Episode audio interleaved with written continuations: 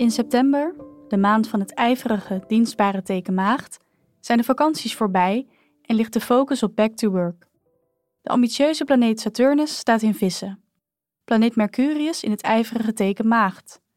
Hoe breng jij het er met deze planeetstanden de komende maand vanaf? Je bent deze maand veel bezig met de vraag of je wel voldoende erkenning krijgt voor je prestaties en of je wel goed genoeg bent. Dat kan echt het onderwerp van een hoop gepieker worden.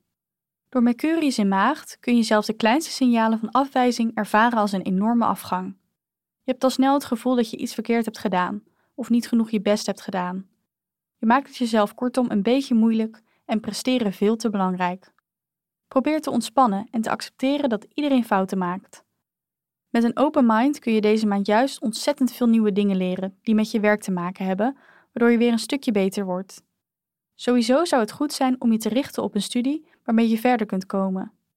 Saturnus in vissen kan ervoor zorgen dat je thuis niet alle steun krijgt die je zou willen. Of misschien is er een huisdier of familielid dat jouw aandacht nodig heeft. Aandacht die ten koste kan gaan van je werk, waardoor je soms het gevoel hebt dat je op beide vlakken tekort schiet. Met schuldgevoel schiet je niets op. Je doet wat je kunt. Bedankt voor het luisteren. Wil je je maandhoroscoop nooit meer missen? Vergeet dan niet om je te abonneren op ons kanaal. Liefs, happiness.